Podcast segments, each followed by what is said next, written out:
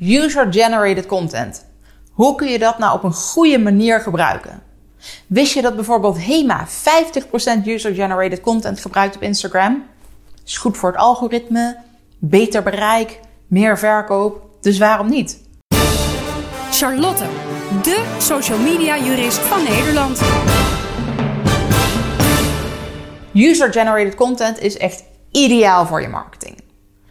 Het zegt namelijk eigenlijk wat over wat andere mensen van jouw product vinden. Die bevelen het aan. Nou, dat werkt natuurlijk veel beter dan dat je zelf zegt: wij van WC Eend bevelen WC Eend aan. Fantastisch dus als andere mensen iets over je product kunnen zeggen, maar je dat toch op je eigen kanaal kunt delen. HEMA gebruikt zelfs 50% user-generated content op Instagram. Dat is ook goed voor het algoritme, zorgt voor meer engagement. Het zijn eigenlijk de ambassadeurs van je merk, dus je krijgt nog een groter bereik ook, alleen maar voordelen. Maar je moet wel opletten dat je dit op een goede manier doet. Ik zie heel veel merken dit doen door eh, bijvoorbeeld een bepaalde hashtag te gebruiken. Dan maken ze een eigen hashtag en dan denken ze, nou goed, als mensen die hashtag gebruiken, dan mogen we automatisch deze content ook delen op ons eigen kanaal. Maar zo werkt het helaas niet. Die hashtags kunnen namelijk op allerlei manieren opduiken. Als mensen niet aan de hashtag zelf kunnen zien dat je daarmee meteen toestemming zou geven voor het delen, dan gaat dat niet. Op Instagram mag je natuurlijk wel, um, als je genoemd wordt in een story, dat ook weer delen als iemand dat open heeft gezet.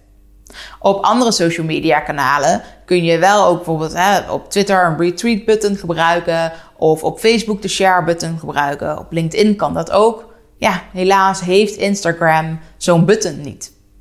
Dus als je de functies van een social media kanaal kunt gebruiken, dan kun je ook op die manier delen. Maar wil je iets eigenlijk downloaden en weer uploaden, dan heb je daar toestemming voor nodig. Je zou misschien zelfs je hashtag zo in kunnen richten dat mensen aan de hashtag al zouden kunnen lezen dat ze daarmee toestemming geven. Dan zit je een beetje op het randje. Dus heel veilig is het niet. Een andere optie is om als mensen die hashtag gebruikt hebben, ze vervolgens aan te spreken en te zeggen: Ik zag dat je deze en deze foto hebt gedeeld met deze hashtag. Super tof. We vinden het een mooie foto. Mogen wij hem ook delen op ons kanaal?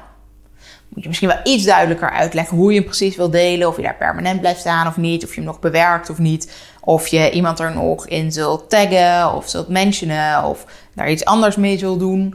Uh, of dat je het echt puur gebruikt van kijk, is dit product, kost zoveel en bij ons te koop. Maak er wel goede afspraken over. Verder kun je natuurlijk gewoon altijd gaan googlen, mensen zoeken en op die manier om toestemming vragen. Het hoeft helemaal niet via de hashtag. Kortom, wil je content van een ander gebruiken, zelfs als je influencers hebt ingezet die content voor jou gemaakt hebben, maak altijd afspraken of je die content ook op je eigen kanaal mag gebruiken.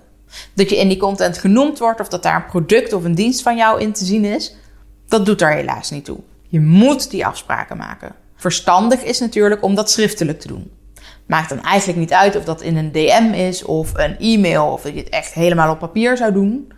Maar zorg in elk geval dat je afspraken duidelijk zijn. En dat er eigenlijk maar één document is. Dus één DM'tje, één WhatsAppje, één e-mailtje. Waarin alle afspraken duidelijk zijn vastgelegd. Waarin je precies vertelt hoe jij het wil gebruiken. Zodat iemand eigenlijk alleen nog maar hoeft te zeggen: ja, dat is goed. Dan heb je de duidelijkst, duidelijkst mogelijke afspraken gemaakt. Nou, ik hoop dat ik je nu meer uit heb kunnen leggen over hoe je kunt zorgen dat je toch user-generated content goed in kunt zetten voor je kanaal, zodat je dat net zo succesvol kunt doen als HEMA dat doet. Mocht je nou toch meer vragen hebben over hoe je hier bijvoorbeeld een goed beleid voor op kunt zetten, of hoe je een goede standaard tekst kunt maken die je elke keer kunt gebruiken als je om toestemming vraagt, bel of mail vooral, dan maken we een afspraak en gaan we samen die tekst of dat beleid in elkaar zetten.